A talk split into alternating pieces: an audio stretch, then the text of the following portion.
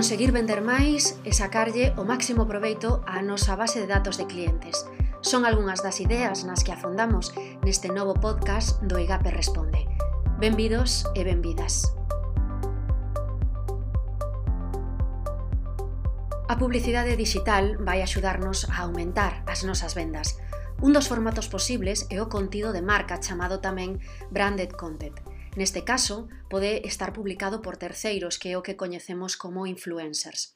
Cando pensamos en marketing de influencers, normalmente o noso pensamento diríxese a persoas famosas, Pero o certo é que ás veces nas nosas redes sociais temos seguidores que nos poden axudar moito a chegar a outros clientes. Así non lo explica Alba López, do ámbito de negocio do IGAPE Responde. Hai que empezar por ver quién nos está siguiendo Y seguramente ya en esa comunidad en la que nosotros tenemos, tengamos perfiles de personas que, compran nuestro producto y, o servicios y que se sienten identificados con nuestra marca y que, y que a lo mejor pues, eh, eh, basta con, contactarles y ofrecerles a lo mejor eh, algo, pues un descuento o algo que, con el que fidelices para que comparta un contenido sobre tu marca. ¿no? Y eso ya es hacer marketing de influencers, es decir, con tu propia comunidad, porque con tus propios clientes hay muchas, de, a ver, hay otras personas que no tienen perfiles públicos, pero, pero hay muchos que sí, ¿no? Y, y son microcomunidades, pero muy interesantes. O sea, microcomunidades hablamos de que hoy en día hay muchísima gente que tiene 500 seguidores, 1000 seguidores en sus redes sociales. Y, aunque sea a lo mejor en su círculo más cercano, pero no perdamos esa oportunidad de llegar a, nuestra propia comunidad, ¿no? de, aprovechar nuestros, a nuestros clientes, a nuestros eh, usuarios, antes de ponernos a contactar con un, gran influencer y que nos vaya a cobrar. Pues no, vamos a, mirar un poquito por ahí y también a investigar, porque a veces nos mencionan, aunque no nos sigan, nos mencionan y de forma eh, pues, eh, bueno, natural pues publican algo sobre nuestra marca. Tenemos que estar muy atentos a los hashtags, a, ver qué, qué se está publicando sobre nuestro store para detectar esos microinfluencers influencers, que son los que van a aportar mayor credibilidad e en un público moi segmentado. Precisamente un exemplo práctico disto que nos conta Alba López, pois vémolo nunha empresa do IGAPE Responde, que biological, sen buscalo, conseguiu a promoción dun dos seus produtos a través do TikTok dunha das súas clientas. Descubrieron que había unha chica, unha clienta que, en TikTok, ellos no tienen cuenta de TikTok, están trabajando en Instagram y Facebook sobre todo, de forma natural pues publicó, eh, pues un, habló sobre uno de sus productos, ¿no? Pues está satisfecha y publicó eh, uno de sus productos y habló sobre, sobre ese producto, ¿no? A priori parece un, parece un vídeo, pues a lo mejor, eh, pues muy casero, o sea, vale, es una chica que muchos no nos sentiremos identificadas con ella, ¿no? Pero tiene eh, muchísimos seguidores. Fijaros que solo esto se compartió más de 700 veces, eh, tiene 8.000 me gustas, los comentarios van muy enfocados al producto, vale, lo enseña perfectamente y ellos no hicieron ninguna colaboración, salió de forma espontánea por parte de ella. Después ya contactaron con ella y, y vieron las formas de colaborar, ¿no?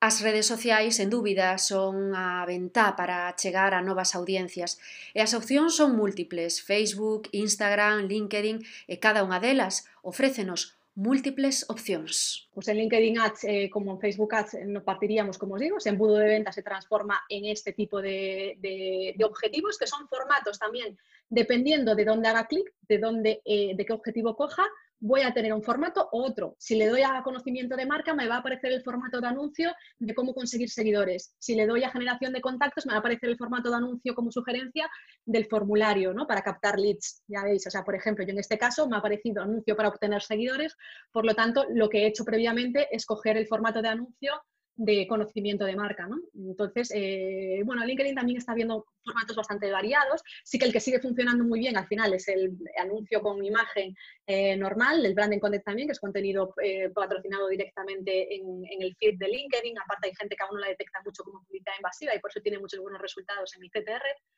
Y, pero bueno, también hay otros formatos, ¿vale? Que pueden ser interesantes en otras marcas, ¿no? Como la conversación a través de LinkedIn.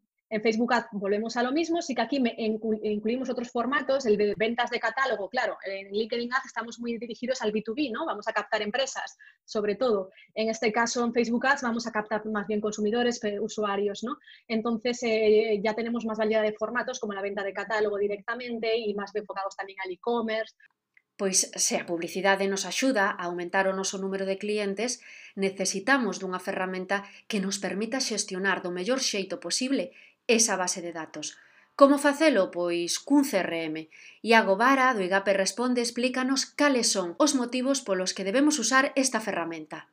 El primero es que tenemos un repositorio único y común. Adiós a las libretas y a las hojas de Excel sueltas, a que cada persona tenga información sobre sus propios clientes. La información está en un único sitio y todo el mundo de la, de la empresa tiene acceso a ella. Esto nos ayuda a mejorar el servicio. Eh, cuando hablas con el cliente tienes acceso a toda la actividad anterior que has tenido con él. Es cierto que eh, la mayoría de los clientes quieren tener un único interlocutor, se, sienten cómodos con una determinada persona, pero también es cierto que, quieren inmediatez, con lo cual si llaman a la empresa eh, quieren tener el servicio ya y a lo mejor esa persona que les atiende y que sabe, digamos, de su historial está ocupada. Pues vamos a mejorar el servicio porque toda la información está en el repositorio. Entonces, cualquier eh, empleado de la empresa puede ver el historial y saber eh, qué quiere, qué necesita ese cliente.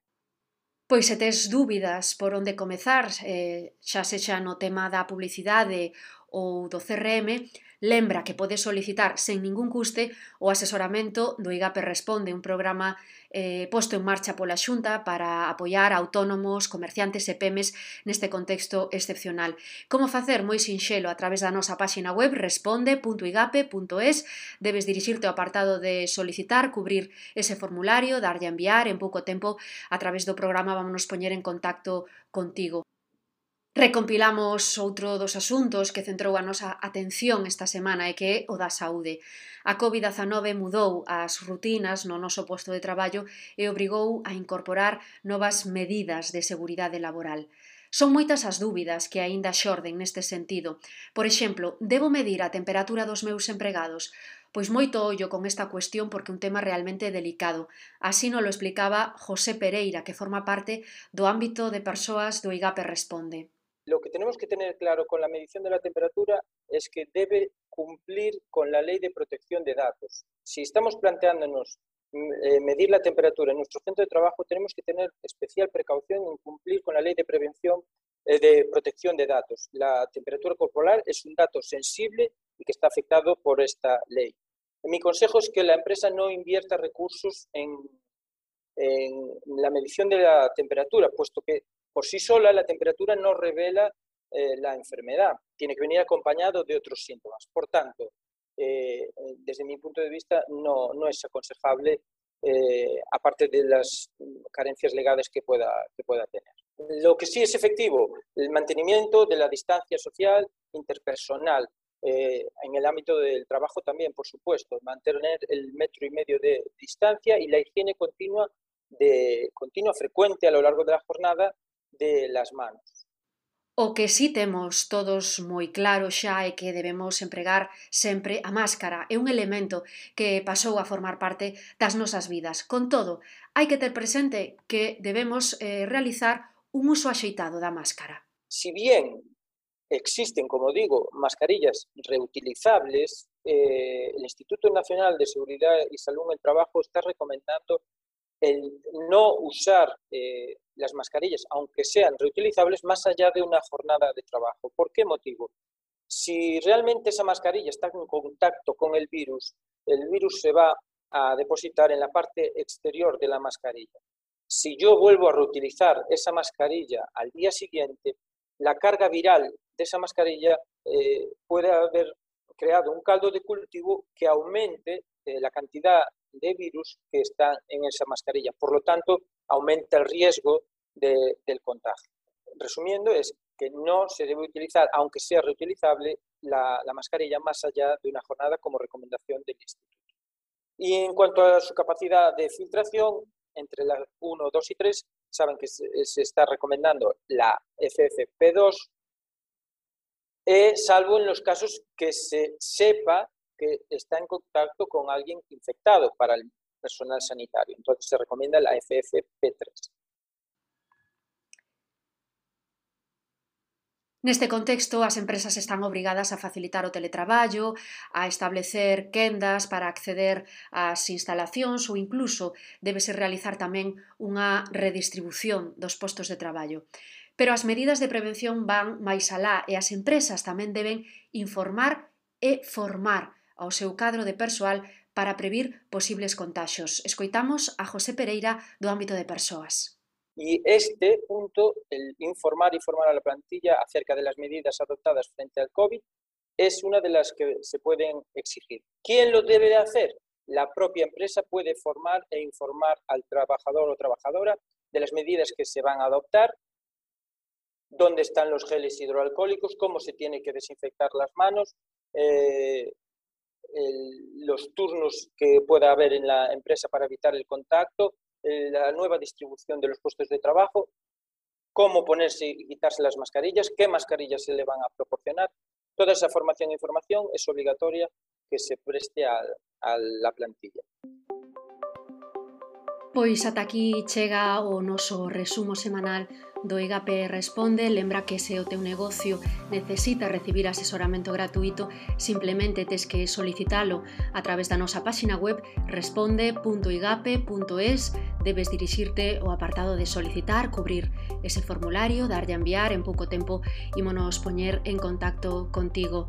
Eh, para estar o día de todas as novidades na nosa páxina web tes os accesos directos aos perfis en redes sociais. Estamos eh, no LinkedIn, eh, no Facebook de IGAPE e tamén nos podes atopar en Twitter e eh, en Instagram como Reacción a IGAPE. Ata aquí o resumo semanal. Grazas por escoitarnos.